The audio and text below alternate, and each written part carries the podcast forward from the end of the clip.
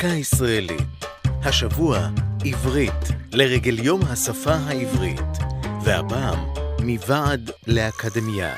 מחיי השפה העברית נודע בעיקר בזכות חידושי המילים שהגה. אולם אליעזר בן יהודה לא הסתפק בכך, ופעל בחזיתות שונות כדי לקדם את השימוש בשפה המתחדשת. בן יהודה הבין שכדי לחולל מהפכה של ממש בשפתו של היישוב היהודי בארץ, לא די בפעילותו האישית, אלא יש צורך בפעילות רחבה ומשותפת למען הפיכת העברית לשפה מדוברת. כך יזם את הקמתן של אגודות ועמותות לקידום הדיבור העברי.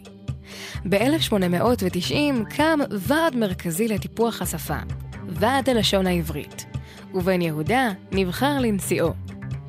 הוועד פעל, בין השאר, כדי לקבוע כללים אחידים והציע מילים חדשות.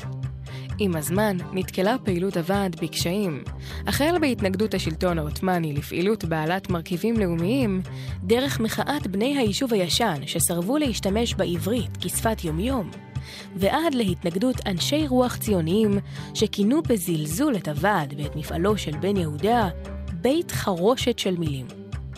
את ועד הלשון ירשה ב-1953 האקדמיה ללשון העברית. הקמתה נקבעה בחוק המגדיר אותה כמוסד העליון למדע הלשון העברית. זו הייתה דקה ישראלית על עברית ומוועד לאקדמיה.